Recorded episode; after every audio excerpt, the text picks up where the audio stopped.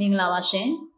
အပတ်စဉ်စနေနေ့ည9:00နာရီတိုင်းထုတ်လွှင့်နေကြဖြစ်တဲ့ရေရေမုံမုံပေါ့ပေါ့ပါပါ podcast အစီအစဉ်ကနေပြန်လည်ကြိုဆိုလိုက်ပါတယ်ကျမကတော့အစီအစဉ်တင်ဆက်သူနှွေးစာစီဆိုဖြစ်ပါတယ်ဒီပတ်မိတ်ဆွေတို့ကိုဝေမျှပေးခြင်းနဲ့အကြောင်းအရာတစ်ခုရှိပါတယ်ဒါလေးကိုမဝေမျှခင်မှာဘ ഹു တုတအနေနဲ့ကျမပြောပြချင်တာလေးတစ်ခုရှိပါတယ်ကျမတို့နေထိုင်ကြတဲ့ကမ္ဘာကြီးမှာစုစုပေါင်းလူဦးရေရဲ့15ရာခိုင်နှုန်းဟာ မတန်ဆွမ်းသူတွေဖြစ်ကြပါတယ်1 billion အရေးအတွက်ရှိတဲ့မတန်ဆွမ်းသူတွေဟာကမ္ဘာနဲ့အဝန်းမှာဖြန့်ကျက်ပြီးတော့နေထိုင်ကြတာဖြစ်ပါတယ်ဆိုလိုချင်တာကတော့လူအယောက်100မှာ15ယောက်ဟာမတန်ဆွမ်းမှုရှိနေတယ်လို့ကမ္ဘာရဲ့လူဦးရေအချိုးအစားအရကျမတို့ခံမှန်းလို့ရပါတယ်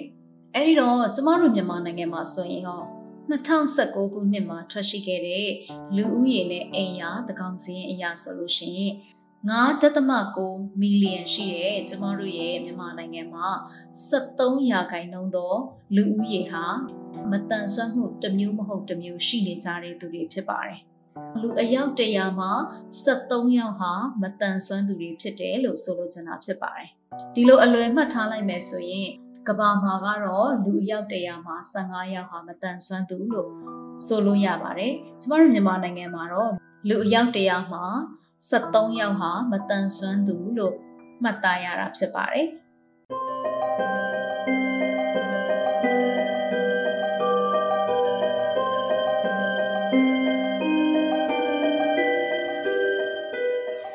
โอเคမိတ်ဆွေ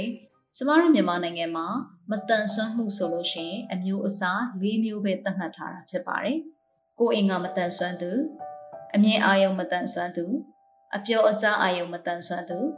ညံ့ရည်မတန်ဆွမ်းသူဆိုပြီးတော့မှမတန်ဆွမ်းမှုအမျိုးအစား၄မျိုးသတ်မှတ်ထားတာဖြစ်ပါတယ်။အဲတော့ကျမမှတ်သားရသလောက်ဆိုလို့ရှိရင်မြန်မာနိုင်ငံမှာရှိတဲ့စုစုပေါင်းလူဦးရေရဲ့600ခိုင်နှုန်းဟာအမြင့်အာရုံမတန်ဆွမ်းသူတွေဖြစ်ကြပါတယ်။900ခိုင်နှုန်းကတော့လမ်းလျှောက်နိုင်တဲ့အနေအထားနဲ့လှေကားတွေကိုတက်နိုင်တဲ့အနေအထားကစပြီးတော့မှခက်ခဲကြတယ်ကိုအင်ကမတန်ဆွမ်းသူတွေဖြစ်ကြပါတယ်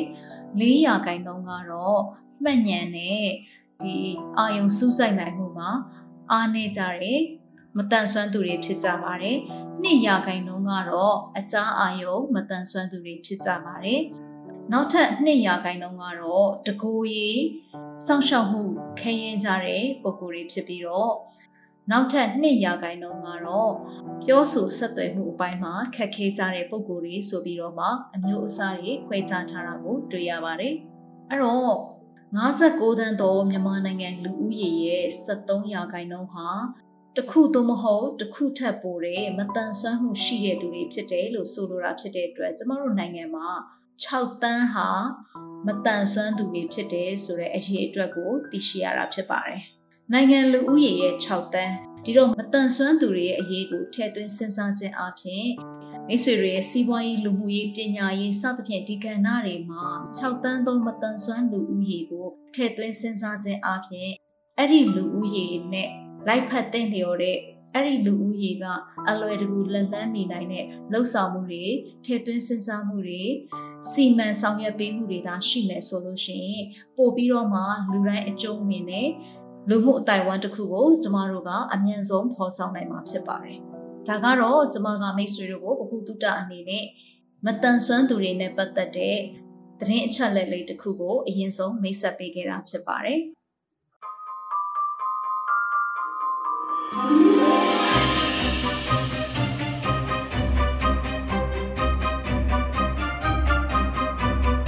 ကျမပြောချင်တဲ့အကြောင်းအရာလေးကအခုမှလာမှာဖြစ်ပါတယ်။အဲ့တော့ကျမတို့နေ့စဉ်နဲ့အမျှပြောဆိုနေတဲ့စကားလုံးတွေဟာအရန်ကိုအရေးကြီးပါတယ်။ ကျမတို့ရဲ့အပြောဆိုသုံးနှုန်းမှုတွေကကျမတို့ရဲ့လူနေမှုအဆင့်တန်းကျမတို့ရဲ့အသိပညာအဆင့်တန်းနဲ့ကျမတို့ရဲ့လူသားချင်းစာနာထောက်ထားမှုဆိုင်ရာစံနှုန်းတွေကိုဖော်ပြနေတဲ့စကားလုံးတွေဖြစ်တဲ့ပါတယ်အထူးသဖြင့်မတန်ဆွမ်းသူတွေနဲ့ပတ်သက်ပြီးတော့မှလေးစားပွဲကောင်းတဲ့မတန်ဆွမ်းစကားလုံးတွေကိုပြောဆိုသုံးနှုန်းဖို့အတွက်ကျမတို့အနေနဲ့ဒီအခန်းကဏ္ဍလေးကိုမိတ်ဆက်ပေးချင်တာဖြစ်ပါတယ်။ အဲ့တော့ကျမတို့ကဘာကြီးမှာလည်းနေ့စဉ်နဲ့အမျှမတန်ဆွမ်းမှုနဲ့ပတ်သက်တဲ့အခေါ်အဝေါ်တွေတင်ပြပုံတွေအခွင့်အရေးတွေဟာတိုးတက်ပြောင်းလဲနေတဲ့ကာလဖြစ်ပါတယ်အဲ့တော့ကျမတို့ငငယ်တုန်းကနေဒီနေ့ဒီချိန်ထိသိမြင်မှတ်သားလာတဲ့တချို့သောစကားရက်တွေတချို့သောအတွေးခေါ်တွေတချို့သောအဖန်တီးတင်ပြမှုတွေဟာဒီနေ့ဒီချိန်မှာအံဝင်ခွင်ကြဖြစ်ချင်မှာဖြစ်ပါတော့မယ်ဒီနေ့ခေတ်နဲ့လိုင်လျောညီထွေဖြစ်ချင်မှာဖြစ်ပါတော့မယ် ဒီနေ့ခေတ်မှာရှိနေတဲ့မတန်ဆွမ်းသူတွေရဲ့အခွင့်အရေးတွေနဲ့လိုက်ဖက်တင့်လျော်ခြင်းမှာတင့်လျော်ပါတော့မယ်ဒါကြောင့်မလို့ကျမတို့ရဲ့မတန်ဆွမ်းမှုဆိုင်ရာအသိဉာဏ်တွေကိုတိုးမြင့်ထားခြင်းအပြင်မိတ်ဆွေတို့ကျမတို့မှာရှိနေတဲ့ personality လို့ခေါ်တဲ့ကိုယ်ရည်ကိုယ်သွေးပိုင်းဆိုင်ရာဂုဏ်သိက္ခာကိုလည်းညှင့်တင်ပြီးသားရောက်တယ်လို့ကျမကဆိုလိုချင်တာဖြစ်ပါတယ်။အဲ့တော့အထူးသဖြင့်ကျမတို့မတန်ဆွမ်းသူတွေနဲ့ပတ်သက်ပြီးတော့မှခေါ်ဝေါ်သုံးနှုန်းမှုတွေကိုဖန်တီးမှုနယ်ပယ်တော်တော်များများမှာကျမလေ့လာကြည့်ရပေါ့နော်။ ဖန်တီးမှုနယ်ပယ်နဲ့အလှမ်းဝေးတဲ့တခြားသောဘာသာရေးဆိုင်ရာနယ်ပယ်တွေမှာလည်းကျမလိုက်လေ့လာကြည့်ပါတယ်။အဲ့ဒီလိုလေ့လာကြည့်တဲ့အခါမှာအရန်ကိုကျမရဲ့စိတ်ကိုလာပြီးထိခိုက်လှုပ်ရှားစေတဲ့စကားလုံးတစ်လုံးကိုတွေ့ပါတယ်။အဲ့ဒါကတော့ဒုက္ခိတဖြစ်ပါတယ်။အဲ့တော့ဒုက္ခိတဆိုတဲ့စကားလုံးဟာတကယ်တော့ပါဠိဘာသာစကားကနေပြီးတော့ဆင်းသက်လာတာဖြစ်ပါတယ်။တကယ်တော့ဒုက္ခိတဆိုတာကပါဠိဘာသာစကားနဲ့အထူးသဖြင့် ဘာသာရေးဆိုင်ရာကျမ်းဂန်တွေအတော်များများမှာဒီစကားရက်ကိုတွေ့ရတာဖြစ်ပါတယ်။အချို့သောသူတွေကတော့မျက်စိမမြင်တဲ့သူတွေနားအကြားအာယုံချိုယွင်းတဲ့သူတွေကိုလက်အင်္ဂါမတန်ဆွမ်းတဲ့သူတွေကိုဒုက္ခိတာလို့တွဲပြီးတော့မှမှတ်လေရှိကြပါတယ်။ဒါကအများသိနေတဲ့ဒုက္ခိတာဆိုတဲ့စကားရက်ကိုကိုနီးကိုဟန်နဲ့အလွယ်တကူဆွဲယူပြီးမှတ်သားလိုက်တာဖြစ်ပါတယ်။ဒုက္ခိတာဆိုတာကဒုက္ခဆိုတဲ့ပုံနဲ့ ဣတဆိုတဲ့ပစ္စည်းနဲ့နှစ်ခုပေါင်းထားတဲ့စကားရက်ကလေးဖြစ်ပါတယ်။ဒုက္ခဆိုတာကဆင်းရဲခြင်းဣတဆိုတဲ့ပစ္စည်းကရှိတာနှစ်ခုပေါင်းလိုက်တော့ဆင်းရဲခြင်းတွေရှိခြင်းလို့အနက်ရပါတယ်အဲ့ဒီတော့ဆင်းရဲတွေရှိနေတဲ့သူကိုဒုက္ခိတာလို့ပြောရဆိုရတာဖြစ်ပါတယ်အဲ့တော့ဆင်းရဲဆိုတာဘာကိုပြောတာလဲပေါ့နော်အော်ကျမလည်းတရားသဘောတော့တိတ်မသိပါဘူး ပါဠိလိုလည်းထဲထဲဝင်ဝင်အဲ့လောက်ကြီးနားမလည်ပေမဲ့ကျမနားလေတာကြတော့ဆင်းရဲဆိုတာဘာကိုပြောလဲတပ်ပေသင်္ခါရဒုက္ခတိသင်္ခါရတရားတွေဟာဆင်းရဲပါပဲတဲ့အဲ့တော့သင်္ခါရမမြဲခြင်းသဘောတရားဟာဆင်းရဲလို့ဆိုလိုချင်တာဖြစ်တယ်အဲ့တော့ဒီသင်္ခါရတရားတွေကဆင်းရဲခြင်းလို့ပြောချင်တာဖြစ်တဲ့အတွက်တော်တော်များများကဒုက္ခိတဆိုလို့ရှိရင်မတန်ဆွမ်းသူနဲ့တွေ့ပြီးမှတ်လေရှိတာက အမြဲတမ်းမှန်ကန်နေတယ်လို့တော့ဆိုလို့မရပါဘူး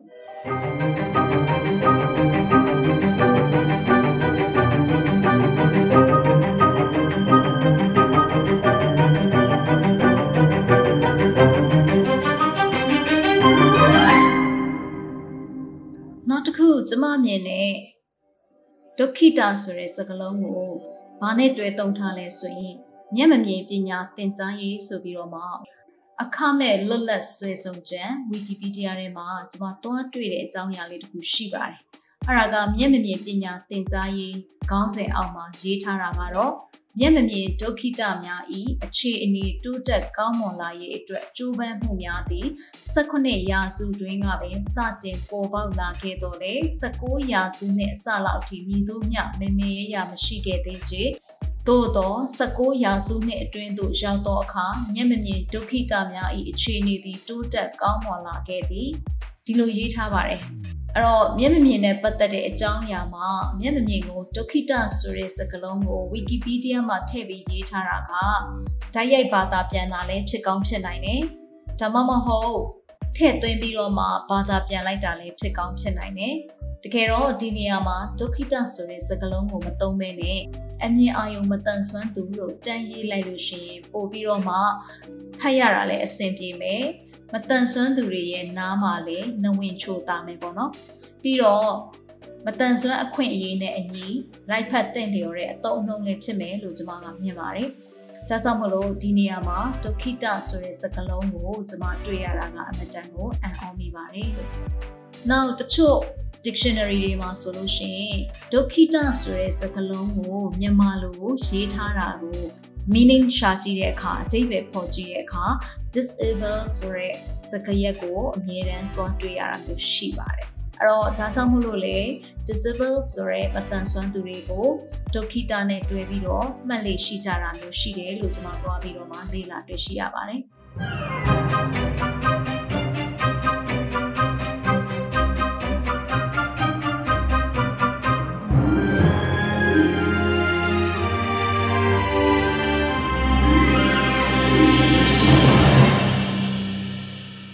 ကိုယ်တိုင်မှာဆိုလို့ရှိရင်လေဒီဒုက္ခိတဆိုတဲ့စကားလုံးနဲ့ပတ်သက်တဲ့အတွေ့အကြုံကောင်းလေးရှိပါတယ်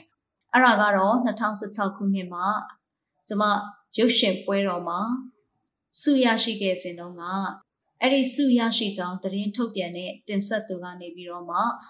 ကျမရဲ့မတန်ဆွမ်းသူတယောက်အကြောင်းရိုက်ထားတဲ့ရုပ်ရှင်ကားကိုသူကဒုက္ခိတတယောက်ဆိုတဲ့အသုံးနှုန်းကိုသုံးတာကျမကြားခဲ့ပူပါတယ် အခုတော့သတင်းဆောင်ပါတွေကိုဇက်တိုက်ထုတ်လွှင့်ပေးပါမယ်။ပထမဦးဆုံးတော့ရန်ကုန်မြို့မှာတပတ်ကြာပြသသွားတဲ့လူအခွင့်အရေးနဲ့လူကုန်တိတ်ခါခီးသွွားရုပ်ရှင်ပွဲတော်ပြီးဆုံးတဲ့တနင်္ဂနွေနေ့မှာတော့ပြသတဲ့ကားတွေထဲကအကောင်းဆုံးကားတွေကိုစုပေးရွေးချယ်ခဲ့ကြပါတယ်။ထူးထူးခြားခြားဒီနေ့မှာပထမဦးဆုံးပေးတဲ့ VOA စုကိုတော့ဒုက္ခိတတူရဲ့ဘဝကိုတရုပ်ဖော်ထားတဲ့ရိုးမြင့်ကြဆိုတဲ့မှတ်တမ်းရုပ်ရှင်ဇာတ်ကားရရှိသွားပါတယ်။ဒီပွဲကိုကိုယ်တိုင်သတင်းသွားယူခဲ့တဲ့ကိုစီသူကသတင်းပေးပို့ထားပါတယ်ရှင်။ လူခွင့်ရေးကိုမျိုးမျိုးသောအမြင်ရှုထောင့်တွေကနေပြီးတော့ပုံဖော်ရကူးထားကြတဲ့ရုပ်ရှင်ဇာတ်ကားတွေအများကြီးတွေကနေအကောင်းဆုံးဇာတ်ကားတွေကိုစုပေးရွေးချယ်ခဲ့တာဖြစ်ပါတယ်။ဒီနေ့မှာထူးခြားခြားစုပေးတဲ့အထက်မှာပါဝင်လာတဲ့ VOA စုကိုတော့ဒီဒုက္ခိတဘဝနဲ့ဘဝကိုရှုံးမပေးဘဲနဲ့ရင်ဆိုင်နေတဲ့အမျိုးသားတယောက်နဲ့သူ့ရဲ့မိသားစုအကြောင်းကိုရိုက်ကူးထားတဲ့ရိုးမြေကြဆိုတဲ့ဇာတ်ကားကနေပြီးတော့စုရရှိခဲ့ပါတယ်။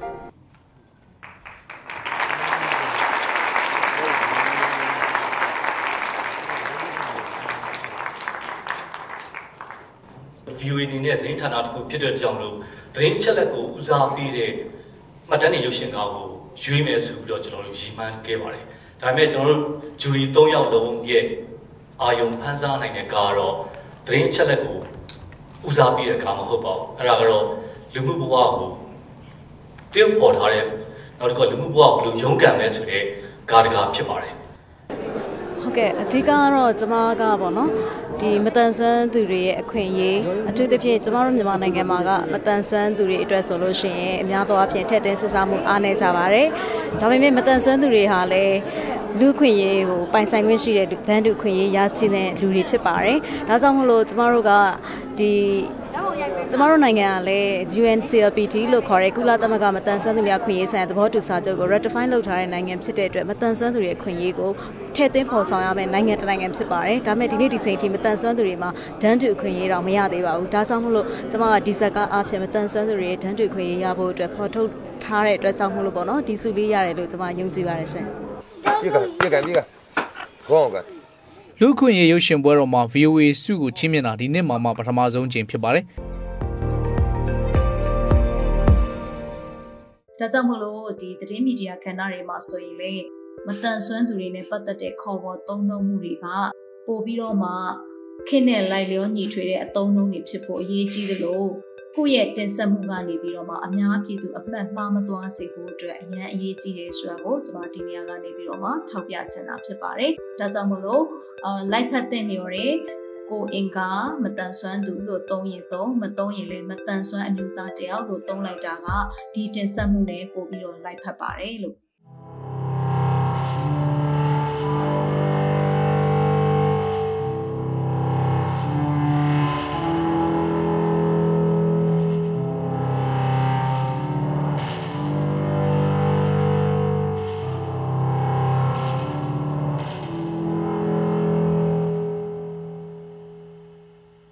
က်တစ်ခုကကျတော့ဒီဒုက္ခိတဆိုတဲ့စကားလုံးလေးကိုမှကျမကတချင်းကောင်းစဉ်လေးတွေနဲ့တွေ့ရတဲ့နေရာလေးတွေရှိပါတယ်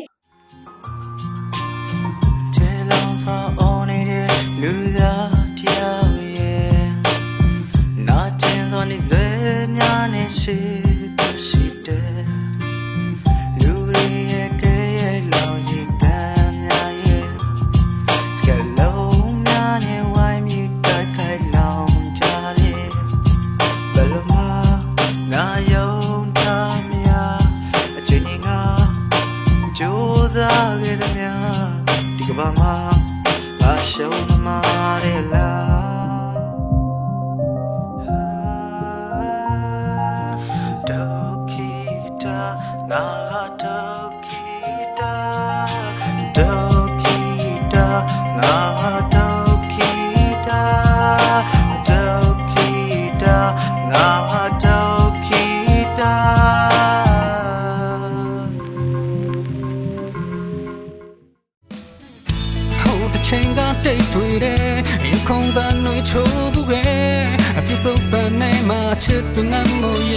စိတ်အားငယ်အခန်းချလေးတဲ့ငါပြောက်တဲ့ချောက်ဖွရင်နဲ့ပေါ်မဲတဲ့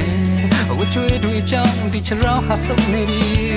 ချစ်တွေကငါတို့နဲ့ယောက်ျားအယောင်တွေဖြောနေပြီ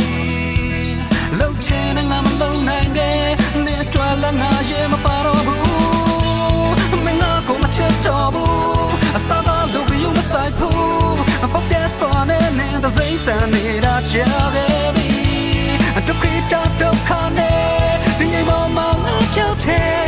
သူမမရှိဘူးပေါ်မဲနေတဲ့အနေစိုးများတဲ့ငါဝေးချင်တယ်ဒါပေမဲ့ဒီသချင်းမှာရှိတဲ့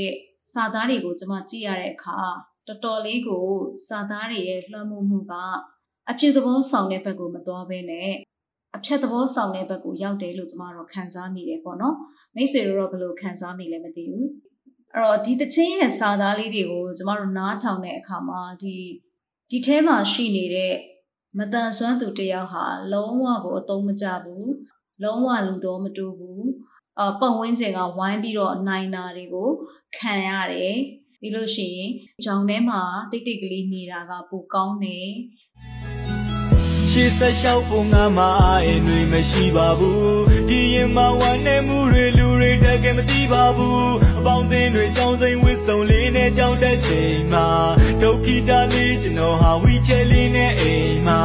ရှိမှန်ကြမထားရဲ့ပါပန်းနိုင်ဆိုတာတကယ်တော့ဝေးကြီးကျွန်တော်ပြေးပြီးစောက်ကစားခြင်းနဲ့ဆူတောင်းနေအိမ်မက်လေးစီဘဝရဲ့နိဗ္ဗာန်ဆိုတာစိတ်ခံစားမှုတတ်တတ်ပါခုဘဝမှာကြည်ပါစေတော့တေကဝေကျွေးများနာနဖမ်းမကြဆုံးအားနေခဲ့ တာကိုယ်ငါပြေတော့မပါတော့ငါရဲ့ခြေလက်များမတန်ဆွမ်းလို့တမ်းမအမိတက်ကြတယ်ထံရတွေရှင်နေမှများကြီးပဲ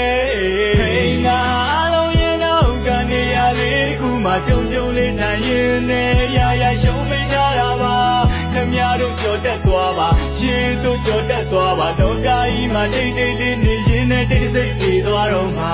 ငါရဲ့ဖြစ်ကဒုက္ခ ဒါပေမဲ့သူကနောက်ဆုံးကြတော့အာဘယ်လိုပုံစံမျိုးပြောလဲဆိုတော့အရှုံးသမားလိုမျိုးပေါ့နော်အရှုံးသမားမျိုးအာလောကကြီးကိုအရှုံးပေးရင်နှလုံးအေးတယ်ဆိုတဲ့ပုံစံမျိုးတွေလည်းကျမတို့ဒီထဲမှာတွေ့ရတယ်အာသူကဘာနဲ့သွားပြီးနှိုင်းယှဉ်လိုက်လဲဆိုတော့နောက်ဆုံးကြမှာပေါ့နော်အာသူကမဟုတ်တာမလုပ်ဘူးပေါ့မတန်ဆွမ်းသူတယောက်ဖြစ်ပေမဲ့မဟုတ်တာမလုပ်ဘူးရိုးသားတယ်ဆိုတဲ့ဟာမျိုးနဲ့ပေါ့နော်ပြောရမယ်ဆိုရင်မတန်ဆွမ်းသူတယောက်ရဲ့ နေရာကနေဝန်ခံစားတာတော့မှန်တယ်ဒါပေမဲ့အဖြူသဘောဆောင်တဲ့ဘက်ကိုဝန်မခံစားပဲနဲ့အပိုပြီးအားနေတဲ့ဘက်တင်ငယ်တဲ့ဘက်ကိုဝန်ခံစားမိသွားတာဖြစ်တယ်ပေါ့နော်ဒါကိုကြည့်ခြင်းအပြင်မတန်ဆွမ်းသူတွေကတော့ဒီလိုမျိုးတင်ပြမှုကိုဘလောက်အတိုင်းတာထိနှစ်သက်လက်ခံနိုင်လဲဆိုတော့ဒါကာယကံရှင်တယောက်ချင်းစီနဲ့ပဲဆိုင်မယ်လို့ထင်ပါတယ်ငါရဲ့ဖြစ်ကဒုက္ခိတဘဝပါကွာငါချစ်တဲ့ပူရီတိုင်း တရားတွေရဲ့ဘေးမှာအသိငယ်ဆုံးသောနှလုံးသားလေးအပြရုပ်တစ်ခုပါဒီဖြစ်စိုးများကြောင့်မင်းရဲ့ရည်တွေဝဲလာစိတ်တဲ့တွေဖုံဖုံကြမိသားစုတော့ငါရှုပ်ထုတ်များလာကျွန်တော်လူပုံမဖြစ်ချင်ဘူးဗျာတက်ဆွမ်းတဲ့လောက်လုံးလုံးပြမှာဖြစ်တဲ့နာလုံနေတဲ့ချိန်မှာဖြစ်ချင်တာတွေဆုံးရှုံးသွားတာမုံဆုံးဘဝမှာလူဆိုတာကံကြမ္မာစေခိုင်းတဲ့ရုပ်တရုပ်လားဗျာမတန်ပေမဲ့စွမ်းနေကျွန်တော်လူမိုက်တွေလို့မဆိုပါဘူးမတန်ပေမဲ့စွမ်းနေကျွန်တော်သူများဖြစ်စီမခိုးပါဘူးရှိုးသားစွာကူစိတ်တဲ့ကိုနိုးချနိုးထားလာသူဆိုကြမှာသူဘေးမှာမြဲရှိခဲ့တဲ့မိကိုလည်းကျွန်တော်ချစ်တယ်လှုပ်ကြိုးစားပတ်စံနေရလာရင်ကစားကွင်းနေလိုက်ဖို့မယ်အဲ့လိုပြောတဲ့အမေကာတွန်းကားလေးကိုသူသားငယ်လေးကြိုက်လို့တဲ့ခွေဆိုင်မှာပြေးဝဲနောက်ပြီးအနေထိုင်ကမရွှေတဲ့ကျွန်တော်ကိုလည်းအမင်းစားချိန်တိုင်းခွန်လို့မညုံမညင်အမေထိုင်ကကျွေးတယ်နောက်တစ်ခါကျတော့ဒီထဲမှာကကျွန်မဘာသွားတွေ့လဲဆိုရင်သူကဖြစ်နိုင်ရင်ဆိုတဲ့စကားလုံးလေးနဲ့ခံပြီးတော့မှမဖြစ်နိုင်ဘူးထင်လောက်တဲ့အရာတွေကိုသူကရေးထားတယ်ဒါပေမဲ့ဒီထဲမှာအကုန်လုံးဖြစ်နိုင်တဲ့အနေအထားရှိတယ်ဒါပေမဲ့ကျွန်မခံစားမိသလောက်တော့ ဒီတချင်းတပုတ်ရဲ့အတိတ်အနက်ကမတန်ဆွမ်းသူတွေရဲ့အပေါ်မှာဘယ်လောက်ထိရိုက်ခတ်သွားမလဲမတန်ဆွမ်းသူတွေရဲ့စိတ်ပိုင်းဆိုင်ရာကိုဘယ်လောက်အတိုင်းတာထိလွှမ်းမိုးသွားနိုင်လဲ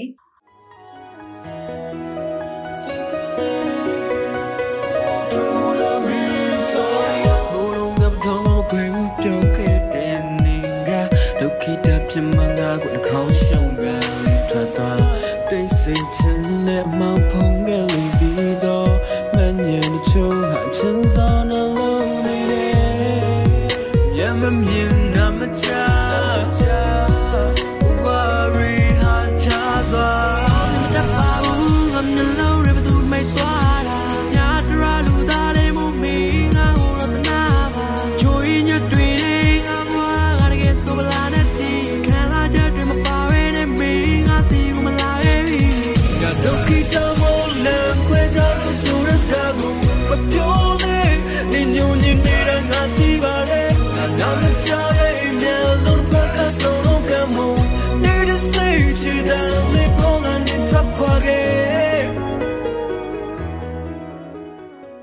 စာရေးဆရာတယောက်ပြောတာကြားခဲ့ဘူးလေကျမတို့ဒီစာရေးနည်းလမ်းညွှန်တက်တော်ဟာဆိုလို့ရှရင်ဆရာကြီးတယောက်ကနေပြီးတော့မှသူကိုယ်တိုင်လည်းတစ်ချိန်ကစိတ်တက်ကြပြီးတော့မှလက်လွတ်ဒီဘဝကိုအရှုံးပေးခြင်းတဲ့စိတ်တွေတဖွာဖွာနေတိုင်းပေါ်ပေါက်လာတဲ့အချိန်တုန်းကဆိုလို့ရှရင်သူ့ကိုယ်သူဒီလိုမျိုးအရာရာကိုစွမ်းဆောင်နိုင်မယ်လုပ်နိုင်မယ်လို့တော့သူ့ကိုယ်သူယုံကြည်ချက်မရှိခဲ့တဲ့အချိန်တွေတုန်းကဆိုရင် သူကအနှုတ်လက္ခဏာတွေကိုအမြဲတွေးနေတယ်အနှုတ်လက္ခဏာတွေနဲ့ပဲသူ့ကိုယ်သူဖြည့်သိမ့်နေတယ်အဲ့ဒီပုံစံမျိုးပဲကျမတို့ဒီလိုမျိုးဖန်တီးမှုတွေကလည်းအနှုတ်လက္ခဏာဆောင်တဲ့ယတ္တတွေကိုပေးမယ်ဆိုရင်နားထောင်တဲ့သူတွေအတွက်လည်းအနှုတ်လက္ခဏာတွေပဲစိတ်ထဲမှာပွားများလာစေမယ်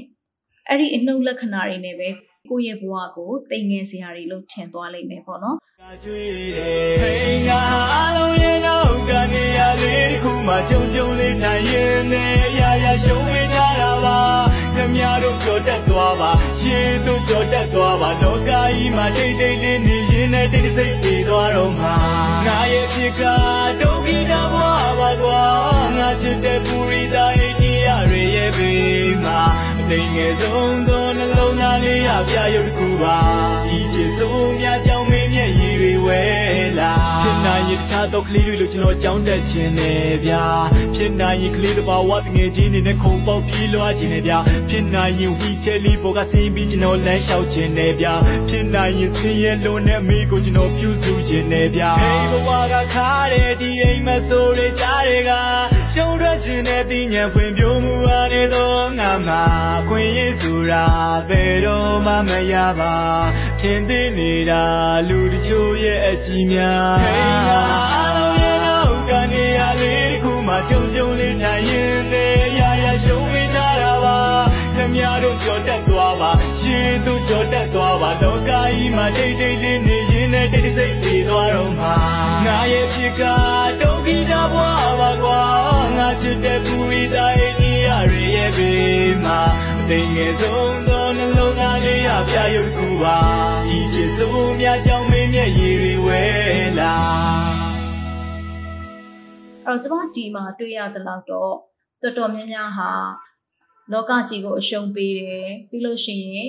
ဖြစ်နိုင်ရင်တော့ဒီလိုလုပ်ချင်တယ်ဒါပေမဲ့မဖြစ်နိုင်တဲ့အနေအထားကများတယ်ဆိုတဲ့ခံစားချက်မျိုးကိုရသွားစေတယ်ပေါ့နော်အဲ့တော့ဒီခေါင်းစဉ်လေးနဲ့ဒီလိုစာသားတွေကကျမတို့မတန်ဆွမ်းလောကမှာဆိုလို့ရှိရင်တော်တော်များများအတွက်အပြုသဘောမဆောင်ဘဲနဲ့ စိတ်တက်ရေးရာကိုပြက်ပြားစေတဲ့အထိစွမ်းဆောင်နိုင်တယ်လို့တော့ကျွန်မကမြင်ပါတယ်။ဒါကြောင့်မလို့ကျွန်တော်တို့ဒီဒုက္ခိတဆိုတဲ့စကားလုံးလေးတစ်လုံးတည်းမကဘဲနဲ့အဲ့ဒီရဲ့နောက်ွယ်မှာရှိနေတဲ့တက်ရောက်မှုတွေကစိတ်ပိုင်းဆိုင်ရာအားအင်နေတဲ့သူတွေအတွက်ဆိုရင်ပို့ပြီးတော့မှဖြည့်ဆည်းမှုဖြစ်သွားစေနိုင်တဲ့ဖန်တီးမှုမျိုးလို့ကျွန်မကတော့မြင်ပါတယ်။ ကျွန်မတွေးသလောက်တော့ဒီသချင်းပေါ်မှာမှမတန်ဆွမ်းသူတွေကခွန်အားရသွားတဲ့သူတွေလည်းရှိကောင်းရှိနိုင်ပါတယ်။ဒါကတော့တယောက်ချင်းစီရဲ့အာလက်ခံနိုင်စွမ်းနေမတူတာဖြစ်ကောင်းဖြစ်ပါလိမ့်မယ်ကျမတို့အမြင်နဲ့ဆိုလို့ရှိရင်တော့တော်တော်များများမတန်ဆွမ်းသူတွေဟာဒီတချင်းလေးကို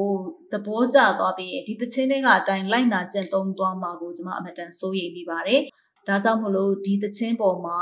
ကိုယ့်ရဲ့ဖြန့်ကျက်တွေးတောနိုင်တဲ့အတိုင်းအတာအထိအစွမ်းကုန်ဖြန့်ကျက်တွေးတောပြီးမှမိမိကြိုက်တဲ့လားမကြိုက်တဲ့ဘူးလားဒါမှမဟုတ်ဒီထဲက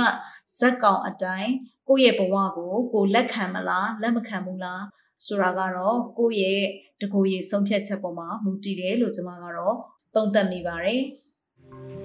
Yeah, yeah. လူငတယောက်ရှက်ရီမှန်ချက်တွေပြောက်ရှာခဲ့သူ့ဘဝမှာဖြစ်ရှင်လာတတ်ဖြစ်နေတာကိုစောက်ရှာစေအုံနောက်တဲ့ချန်နေတဲ့ကန်အာဒီဘီဘဝကိုရှောက်ရမယ်မတိစိတ်ကတော့ပေါက်ကူဟာမူရစ်စေးလို့ထောက်ပြတယ်အိညာတွေတကားလာခေါက်ဝင်ခွင့်ပေးချိန်ဓာလာရှောက်အားငယ်မှုရဲ့ချိုးကိုင်မှုကနောက်ချိုးကနေဓာလာတောင်းတိ ကျမရှိတဲ့မျောနေခြင်းလဲဝေးဆုံးကိုပြီးသွားတာကြောင့်တယောက်တည်းလဲဆင်ပြေပါတယ်ဟန်ဆောင်ပြောကစားကနောက်ရောကကြီးတဲ့လေတိုင်းစင်ရောပါကြီးတဲ့လူစင်တာမရနိုင်တာကကစီမရတော့ကမိခဲ့ခုခုဆိုပြစ်တင်ခြင်းနဲ့လူလေးစီမှာရောဂါရှိတယ်တောက်ပြပြောတတ်တဲ့သက်တွေပဝင်ခြင်းမှာတော့ပါပြီဆဲတင်ရတဲ့သတိပြတဲ့လောကနိယာမှာချိန်မဲ့လဲပြီးတန်ထဲမှာနေနဲ့လွယ်ကြုံလာရမှာကိုသိပြန်တယ်တင်ရတဲ့သတိပြတဲ့လောကနိယာမှာချိန်မဲ့လဲပြီးတန်ထဲမှာနေနဲ့လွယ်ကြုံလာရမှာကိုသိပြန်တယ်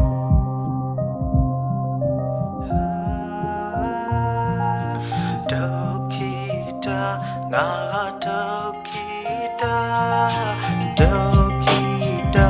ငါဒုက္ခိတာဒုက္ခိ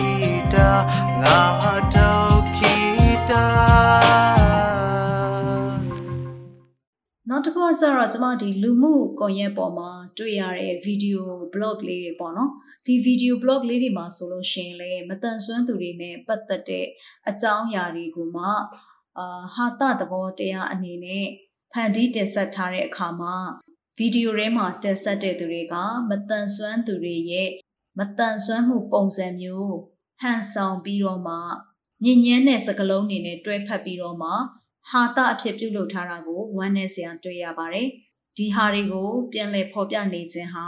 သူတို့ကိုကျမအနေနဲ့အတိမတ်ပြုနေတာမဟုတ်ဘူး။ သူတို့ရဲ့ဖန်တီးမှုဟာအစိတ်သင့်စေတယ်။အထူးသဖြင့်ကြည့်ရှုတဲ့အများပြည်သူကိုမတန်ဆွမ်းမှုနဲ့ပတ်သက်ပြီးတော့မှအထင်သေးစေတယ်။နှိမ်ချစေခြင်းနဲ့အစိတ်အတောက်တဲ့နဲ့ညဉ့်ညမ်းတဲ့စကားလုံးတွေနဲ့တွဲဖက်ပြီးသုံးဆွဲထားတယ်။ဒီလိုသုံးဆွဲခြင်းအပြင်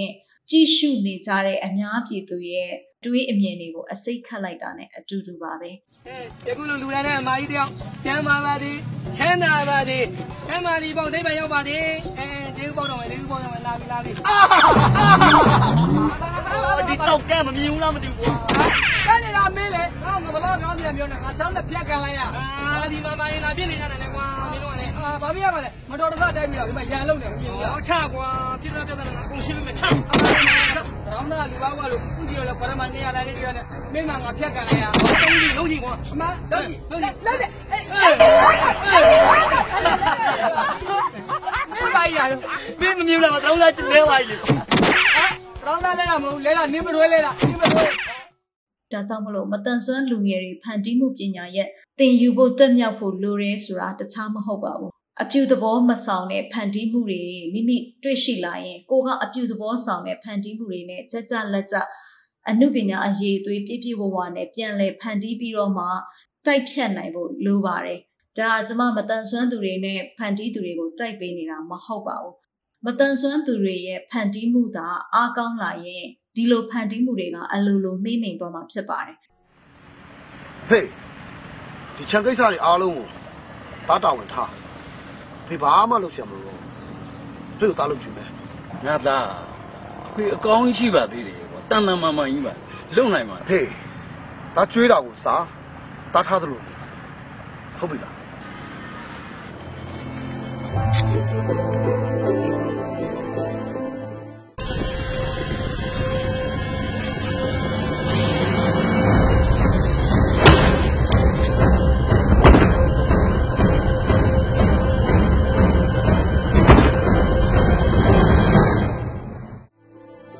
ကျွန်တော်တို့ကန်ဆိုးတဲ့နေ့တစ်နေ့ကိုကြုံခဲ့ရတယ်။စိုက်ကဲမောက်ပြီးရလာတယ်။ကျောင်းတင်ရတာခန္ဓာကိုယ်အောက်ပိုင်းကိုလှုပ်လို့မရတော့ဘူး။ကျွန်တော်ဘဝကြီးဆုံးသွားခဲ့ပြီ။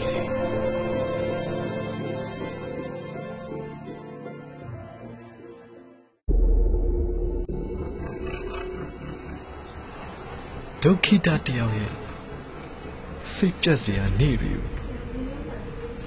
အဆုံးတက်လိုက်ခြင်းချင်း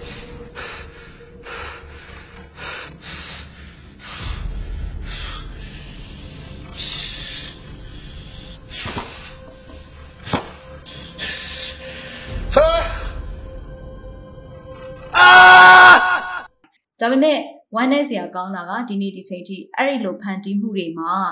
like တွေ share တွေ comment တွေပေးပြီးတော့မှကြည်နေကြတဲ့သူတွေရဲ့အစိတ်တစ်နေတဲ့အုံနှောက်တွေကိုကျမတို့က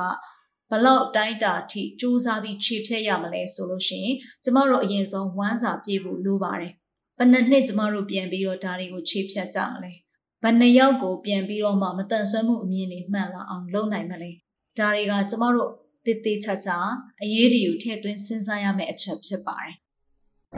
။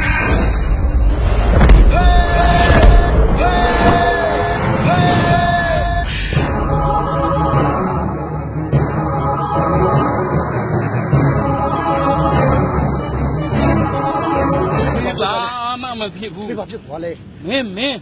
မင်းမင်းခြေထောက်တွေကောင်းကောင်းယူကွာကျွန်တော်ချောက်ကောင်းသွားပြီဖေကျွန်တော်ချောက်ပြကောင်းသွားပြီကျွန်တော်ချောက်တွေပြန်ကောင်းသွားပြီဖေအဖေရဲ့ကျေးဇူးကြောင့်ဒုတိယချိန်ဘဝကိုပြန်ရှင်သန်ခွင့်ရပြီအဖေကကျွန်တော်ဘဝရဲ့သာဝရအဖေပါအဖေရဲ့ကျေးဇူးကြီးလာပါတယ် ဒါကြောင့်မလို့အပြူသဘောဆောင်တဲ့ဖန်တီးမှုတွေမတန်ဆွမ်းသူတွေကိုယ်တိုင်ဖန်တီးပြီးတော့မှပြန်လည်ပြီးတော့တုံ့ပြန်တတ်ဖို့လိုပါတယ်ငါတို့မကြိုက်ဘူးငါတို့ဒီလိုပုံစံမတင်ဆက်နဲ့အခုဖြတ်ပေးလို့တွားပြောလို့မရပါဘူးကျမတို့တွေကသူတို့ထက်လွှမ်းမိုးပြီးတော့မှသူတို့လိုမျိုးပြိတ္တတွေအများကြီးရနိုင်လောက်တဲ့အထိကျမတို့တွေရဲ့အပြူသဘောဆောင်တဲ့ဖန်တီးမှုတွေနဲ့ပြန်လည်လွှမ်းမိုးဖို့လိုအပ်ပါတယ်ဒါမှသာလျှင်ဒီလိုဖန်တီးကြတဲ့သူတွေဟာ မိမိဖန်တီးမှုဟာအစိတ်တောင့်တင့်စေတယ်သူတစ်ပါးကိုလူအခွင့်အရေးနဲ့လည်းမညီဘူးလူလူချင်းလေးစားမှုအားနည်းတဲ့အတုံးနှုံးတွေလေးစားမှုအားနည်းတဲ့မတန်ဆွမ်းအခေါ်အဝေါ်တွေနဲ့မတန်ဆွမ်းသူတွေကိုအများပြည်သူအထင်အမြင်လွဲစေတဲ့ပုံစံမျိုးတွေနဲ့တင်ဆက်တာကိုဒါမှသာလျှင်ရှက်တတ်မယ်နောက်မလုပ်တော့မှဖြစ်ပါတယ်ဟန်နာနေရောအဲ့လိုသွားတာသွားနေရတာ မင်းတို့နာမည်တွေလည်းမသိဘူးနာမည်မိတ်ဆက်ကြမယ်ဟမ်ဟန်နာနေနာမည်မိတ်ဆက်ကြငါနာမည်ဟိုလီဒီကောင်နာမည်ဟမ်ရွှေอ่ะဟဲ့လေမင်းတို့နာမည်ဘယ်လိုခေါ်လဲငါငါငါငါနာမည်အာအာအာထေဒီဒီဒီဒီကောင်နာနာနာနာနာနာမကြောက်နာနာနာနာလေး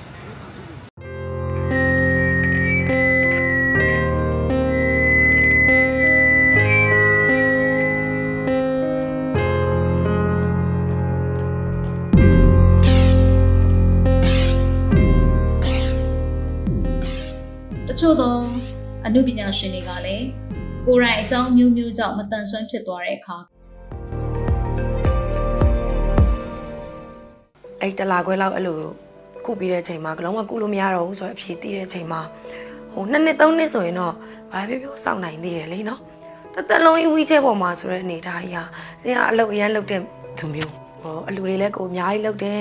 အလူတွေလုပ်ဖို့ကစင်လုပ်တယ်လုပ်နေမှာဖြစ်မှာလေပြီးတော့အမှုပညာလုပ်ကိုကလည်း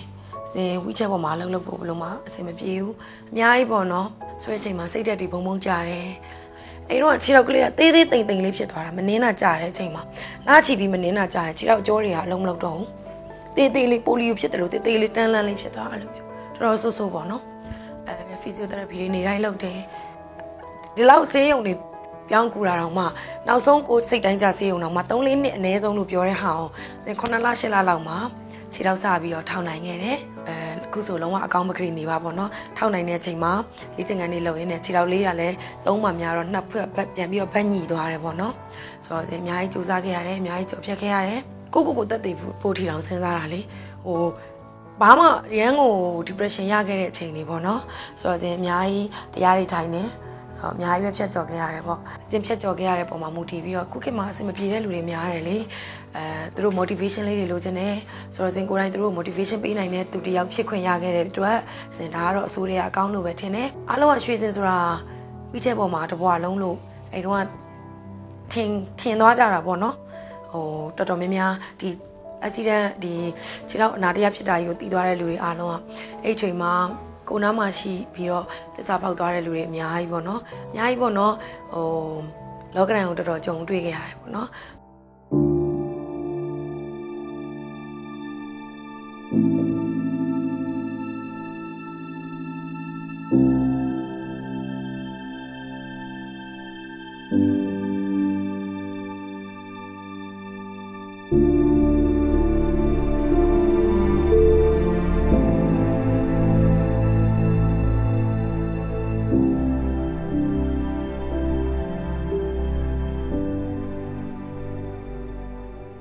ကိုးခွေရဘာသာအသီးသီးကတရားဟောဆရာတွေဆရာမတွေဆရာတော်ကြီးတွေသီလရှင်တွေသူတို့တွေရဲ့ဟောပြောချက်တွေမှာလည်းဒီဒုက္ခိတဆိုတိုင်းမတန်ဆွမ်းသူတွေကိုဆိုလိုချင်တာမဟုတ်ဘဲနဲ့တခြားသောနက်နဲတဲ့အတိတ်ပဲတွေရှိအောင်မယ်ဆိုတာကိုလည်းမိတ်ဆွေတို့တွေးတတ်ဖို့လိုပါတယ်ဒုက္ခိတ ဒီနေ့မြင်ရတဲ့လူတွေမျက်မျက်ကန်းရှိမယ်ခြေကျိုးတာရှိမယ်နော်မသွားလာနိုင်တာရှိမယ်လောကမှာမြင်ရတဲ့ဒုက္ခိတတွေဒီနေ့ဝိညာဉ်မှာလည်းဒုက္ခိတတွေအများကြီးပဲနော်အာနားရှိလည်းမကြားရမျက်စိရှိလည်းမမြင်ရနော်အဖះကိုကျမတို့ဖះဖွင့်ပြတဲ့အရာတွေလည်းနားမလဲနော်အဲ့ဒါတွေကတန်ရှင်တော်ဝိညာဉ်တော်မရရှိတဲ့အခါမှာဖះရဲ့နဲ့နေတဲ့အရာတွေလည်းမသိဖះကိုကိုဘာဖွင့်ပြနေလည်းမသိဖះကိုကိုဘာပြောချင်လည်းမသိအဲ့ဒါတွေကဝိညာဉ်ဒုက္ခိတတွေဖြစ်တယ်ဆိုတဲ့အရာကိုပြောချင်တယ်ဒါကြောင့်ဒီနေ့ကျမတို့လောကမြင်ရတဲ့ဒုက္ခိတတွေနဲ့လောကမြင်ရတဲ့မုတ်ဆိုးမတွေကိုပဲအဲလောကမြင်ရတဲ့မိဘမေတွေကပဲပေးကမ်းမဟုတ်မဟုတ်ဘူးဒီနေ့ဝိညာဉ်ရေးရမှာမုတ်ဆိုးမဖြစ်နေတဲ့သူတွေဝိညာဉ်ရေးရမှာဒုက္ခိတဖြစ်နေတဲ့သူတွေဝိညာဉ်ရေးရမှာမိဘမဲ့နေတဲ့သူတွေအတွက်ဒီနေ့ကျမတို့ဝိညာဉ်ရေးရမှာဝိညာဉ်အစာလည်းများများကျွေးဖို့လိုတဲ့အရာကိုလည်းပြောချင်တယ်ဒါကြောင့်ကိုယ့်ရဲ့ပတ်ဝန်းကျင်မှာဘေးတယောက်ကမုတ်ဆိုးမဖြစ်နေလေဝိညာဉ်မုတ်ဆိုးမနော်ဝိညာဉ်မုတ်ဆိုးမဝိညာဉ်မိဘမဲ့ဝိညာဉ်ဒုက္ခိတတွေကဘာမှာအများကြီးရှိနေတယ်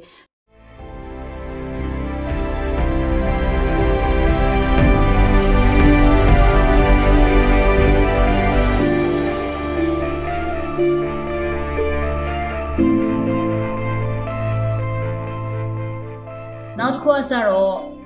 ဒီလိုမျိုးဒုက္ခိတဆိုတဲ့အကြောင်းအရာနဲ့ပတ်သက်ပြီးတော့မှ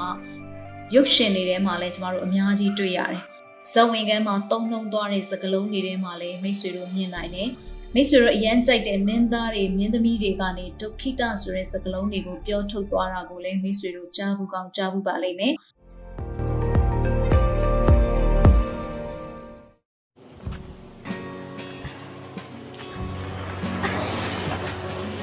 ဟာညီမရရထိုင်ထိုင်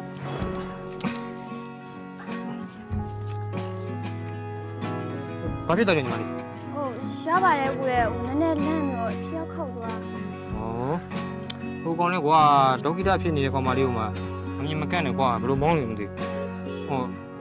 စင်မပြေကိုစိတ်ကက်လိုက်ပုံပဲလေဟိုရပါတယ်ကိုရဲ့ဒီနားလေးပဲအင်္ဂါရောက်တော့မှမတွားတော့ပါဘူးစေးကံဟောဟုတ်ပြီအဲ့ဒါဆိုရင်ကိုအင်းကြီးလိုက်ပုံပဲနော်အားမ ရရပါရဲ့လာပါလားကိုလိုက်ပြီနမ်းမကိုနဲ့ရတဲ့ကို3လတောင်ရှိနေပြီကိုရဲ့အာနန်းနဲ့ကိုနည်းနည်းဟဲ့ရအောင်နော်ဟာကွာမင်းတူတူနေတော့စေးတောင်မထားဘူးလားဟာနန်းကမိန်းကလေးလေးအိတ်စီကိုဘယ်လိုသွားဝယ်ရမှာလဲကိုရဲ့နည်းနည်းဘာလေးစဉ်းစားပြီးလဲပြောပါအောင်ဘာလဲကိုကနန်းကိုတဝင်မြူခြင်းလို့လားအဲ့လိုပြောတာမဟုတ်ပါဘူးနန်းရေဟိုကို့မှာလည်းနန်းကိုလက်ထပ်ဖို့အတွက်စုတာဆောင်တာလည်းမရှိသေးဘူးလေဟိုဖြစ်နိုင်ရင် နန်းပါတီရောက်ကိုဖျက်ချပလိုက်ပါလားနော်ရှင်ဘယ်လိုစကားမျိုးပြောလိုက်တာလဲရှင်မလို့ရှင်ပါးစကားကနေပြီးတော့အဲ့လိုစကားမျိုးတွေထွက်ရတယ်နော်ဒီမှာကျမတို့ဒီကလေးကိုမရကြအောင်မွေးမှာပဲရှင်တဝင်မြူလဲဘာမှမဖြစ်ဘူးအေးဒါမဲ့တစ်ခုပဲသိထားလိုက်ရှင်နဲ့ကျမနဲ့ဆက်လက်ဒီမှရင်ပြီးပြီ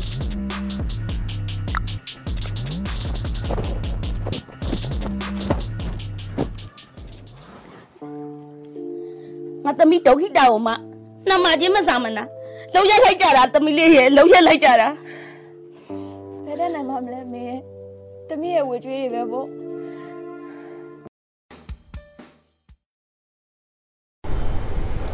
သွားတယ်လူတွေတဲ့လောဘဒေါသမောဟတွေနဲ့အရာရာမကျင်တတ်တဲ့မျက်နှာတွေနဲ့ကွာပူနေကြတာဟမ်မင်းမအဲ့ဒါတွေမရှိဘူးငါမှလည်းအဲ့ဒါတွေမရှိဘူးကွာအဲ့တော့မင်းနဲ့ငါနဲ့ပေါင်းလို့ရတွဲလို့ရတယ်တခုတော့ရည် မင်းကငါတို့နဲ့မတူဘူးမင်းမအားနေချက်ရှိတယ်ကွာအမင်းကဒုက္ခိတတယောက်ဆိုတော့ဟဲ့လူအမေကျုပ်ကအဲ့လိုမပြောနဲ့ကျုပ်မကြိုက်ဘူးခမရလည်းအတူတူပါပဲကျုပ်ကိုတနာပါတယ်ဆိုပြီးဝမ်းကြီးရဲ့လူတွေထဲမှာခမရလည်းပါတယ်အကူကြီးဒီပါမှာတိုင်းတင်တန်းဖွင့်တယ်ဆိုအဓိကရည်ရွယ်ချက်နှစ်ခုရှိတယ်ဟာလေတစ်ခုကမန်မှန်တူတူမပုံအောင်လို့ထမင်းလေးနတ်နတ်အောင်လို့လုပ်နောက်တစ်ချက်ကပိုအရေးကြီးတယ် ငါတို့ကမောင်နှမနဲ့ရတယ်လေငါညက်မာလေးကအပြူလေးနော်တို့ကြောင့်ဟိုလူစောကဒီလူစောကဖြစ်မှာဆိုလို့ငါနာမည်မှတ်ထားနော်နတ်ကြကူဖို့သိမ်း ဟောကြည့်တယ်လို့ပေါ့ကိုကြီးရဲ့နကြကူဖိုးသိန်းကနေဒုက္ခိတဖိုးသိန်းဖြစ်သွားအောင် ဒါစူးစမ်းမှာပေါ့မငါလုံးလိုက်တော့ โอเคပါကိုကြီးရဲ့အောက်မှာတိုင်းတင်မိုးဆောင်နေသွားတော့သွားရောက်နေပြီ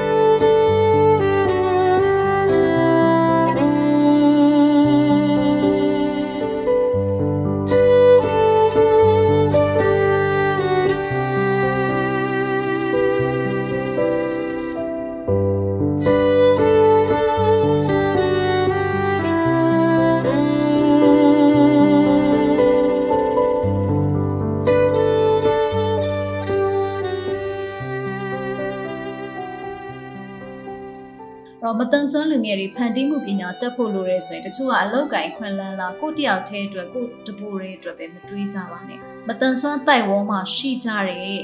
ဖန်တီးမှုတွေက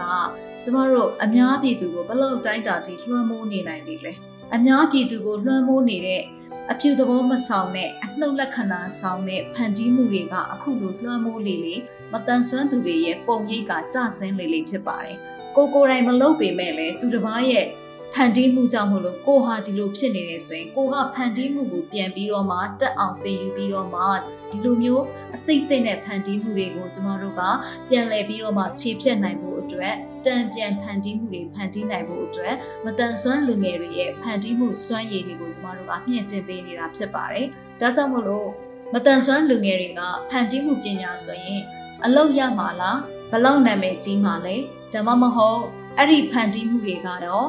ဝင်ငွေဘလောက်ရမှာလဲဒီလောက်ပဲတွေးမယ်ဆိုရင်တော့မိတ်ဆွေတို့ဟာ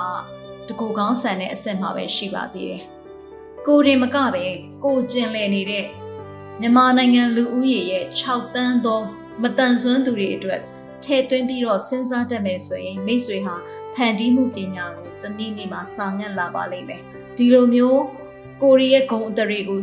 ရှုံချတဲ့ အပြုသဘောမဆောင်တဲ့အနှုတ်သဘောဆောင်တဲ့ဖန်တီးမှုတွေမှာမိတ်ဆွေတို့တာယာနေအောင်မယ်ဆိုရင်တော့နောက်နောက်မိတ်ဆွေတို့ရဲ့မတန်ဆွမ်းမှုနဲ့ပတ်သက်တဲ့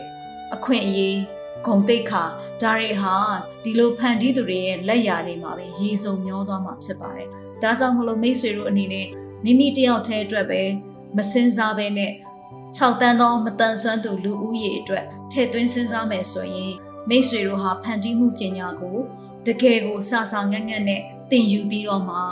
ဒီလိုမျိုးအပြုသဘောဆောင်တဲ့ဖန်တီးမှုတွေနဲ့လူတွေကို brain wash ပေါ့နော်ပြောရမယ်ဆိုရင်လူတွေရဲ့အုံနောက်ကိုပြန်ပြီးတော့စေးကြောပေးရမှာဖြစ်ပါတယ်အများပြည်သူရဲ့အစိတ်သိနေတဲ့အုံနောက်ကိုမိတ်ဆွေတို့ဘလောက်တိုင်းတာထိစေးကြောပြီးပြီလဲဘယ်နေရာခိုင်နှုန်းလောက်အောင်မြင်သွားပြီလဲမိတ်ဆွေတို့စဉ်းစားကြည့်လို့ရပါတယ်ကျမတို့ MCA network ကလုတ်ပေးနိုင်တယ်ဆိုတာမြင့်မို့တောင်ကိုစီးစီးနဲ့ပေါက်နေတဲ့လောက်ပဲရှိပါတယ်အဲ့တော့မိတ်ဆွေတို့ကိုယ်တိုင်က မတန်ဆွမ်းလူငယ်တွေကိုယ်တိုင်ကမတန်ဆွမ်းအတိုင်းဝန်းမှာရှိကြတဲ့ဖန်တီးမှုကိုဝါသနာပါပြီးလုံနိုင်စွမ်းရှိကြတဲ့သူတွေကဒီလိုမျိုး post တွေမှာပဲတွားပြီးခွန်အားရနေအောင်မယ်ဆိုရင်နောက်10နှစ်အတွင်းမှာမိတ်ဆွေတို့ကဒီလူတွေကိုတံပြန်ပြီးဖန်တီးနိုင်ဖို့ဒီလူတွေကိုတံပြန်ပြီးတော့မှအပြူသဘောဆောင်တဲ့ဖန်တီးမှုတွေပြန်လုပ်နိုင်ဖို့ဆိုတာမိတ်ဆွေတို့အတွက်အလှမ်းဝေးသွားပါလိမ့်မယ်။ဒါကြောင့်မိတ်ဆွေတင်နိုးထားဖို့အချိန်တန်ပါပြီ။ မတန်ဆွမ်းလူမှုအတိုင်းအဝန်အတွက်6တန်းသောမတန်ဆွမ်းသူတွေအတွက်မိတ်ဆွေရဲ့ဖန်တီးမှုတွေဟာအရေးတကြီးကိုလိုအပ်နေတဲ့ကာလဖြစ်ပါတယ်။အဲ့ဒီတော့မိတ်ဆွေဟာဖန်တီးမှုပညာဆိုတာလက်တလုံးဝင်ဝင်မရရင်စိတ်ဝင်စားဘူးလက်တလုံးအလုံးမရရင်စိတ်ဝင်စားဘူးကြိုးကြိုးနော်နော်မသိချင်ဘူးတက်မြောက်အောင်မလေးလာချင်ဘူးအချိန်ပေးပြီးတော့ရင်းနှီးမြုပ်နှံမှုမလုပ်ချင်ဘူးဆိုလို့ရှိရင်တော့မိတ်ဆွေတို့ဟာသူများတကာတွေရဲ့ ဖန်တီးမှုမှာရေစုံမျောတဲ့ဘဝဆက်ပြီးတော့ဖြစ်နေအောင်မယ်ဆိုတာကိုဝမ်းနဲ့စွာနဲ့ပဲကျွန်မဒီကနေပြောပြချင်တာတိုက်တွန်းချင်တာဖြစ်ပါတယ်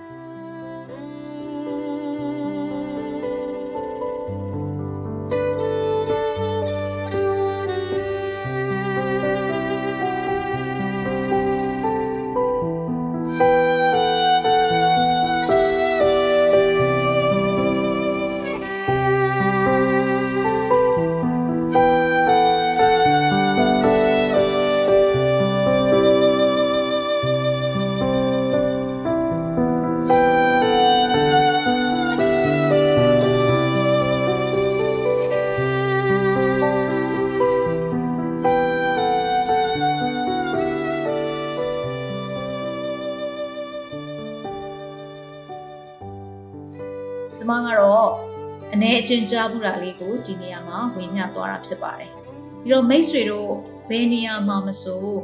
ဖတ်မိတဲ့စာသားအားဖြင့်အတန်အားဖြင့်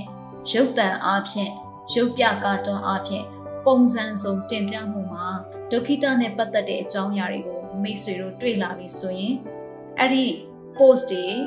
အဲ့ဒီဗီဒီယိုတွေကိုမိတ်ဆွေတို့ဘယ်လိုတုံ့ပြန်မလဲဆိုတာကျွန်မအရန်ကိုစိတ်ဝင်စားပါတယ်လို့ ကျမရဲ့တင်ပြမှုကတော့ဒီလောက်ပါပဲရှင်မိတ်ဆွေတို့လည်းအဆအဆအရာရာမှာသူတစ်ပါးရဲ့ဖန်တီးမှုတွေကိုတွားရောက်လေ့လာတဲ့အခါအားပေးကြတဲ့အခါမှာမိတ်ဆွေတို့ညံနဲ့ရှင်နဲ့သုံးသပ်မှုလေးတွေစဉ်းစားမှုလေးတွေနဲ့အားပေးနိုင်ပါစေအပြုသဘောမဆောင်ပဲအနှုတ်သဘောဆောင်တဲ့ဖန်တီးမှုတွေကိုလည်းမိတ်ဆွေတို့ကပညာသားပါပါပြန်လည်ပြီးတော့မှဖန်တီးမှုနဲ့တံပြန်ပြီးတော့မှ တွန်းလှန်နိုင်ပါစေလို့ကျွန်မအနေနဲ့ဆုတောင်းပေးပါရယ်။ဒါမှသာလေမဝေးတော့တဲ့အနာဂတ်မှာမတန်ဆွမ်းသူတွေအကျုံးဝင်တဲ့ဖန်တီးမှုတွေမတန်ဆွမ်းမှုမျိုးစုံကနေပြီးတော့မှပေါ်ထွက်လာတဲ့အမှုပညာလက်ရာပေါင်းစုံတွေမြင်တွေ့နိုင်ရမှာဖြစ်ပြီးတော့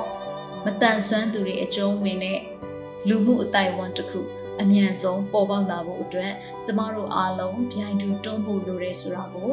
ဒီနေရာကနေတိုက်တွန်းချင်တာဖြစ်ပါတယ်။ မိတ်ဆွေတို့အားလုံးမတန်ဆွမ်းမှုရှိရမှာဉာဏ်နဲ့ရှင်သောခံစားမှုများပြုလုပ်နိုင်ကြပါစေလို့ကျမကနောက်ဆုံးအနေနဲ့ဆုတောင်းမေတ္တာပို့သအပ်ပါတယ်။အားလုံးကိုကျေးဇူးတင်ပါတယ်ရှင်။နောက်ပတ်စနေနေ့ည9:00နာရီမှာပြန်ဆုံရအောင်နော်။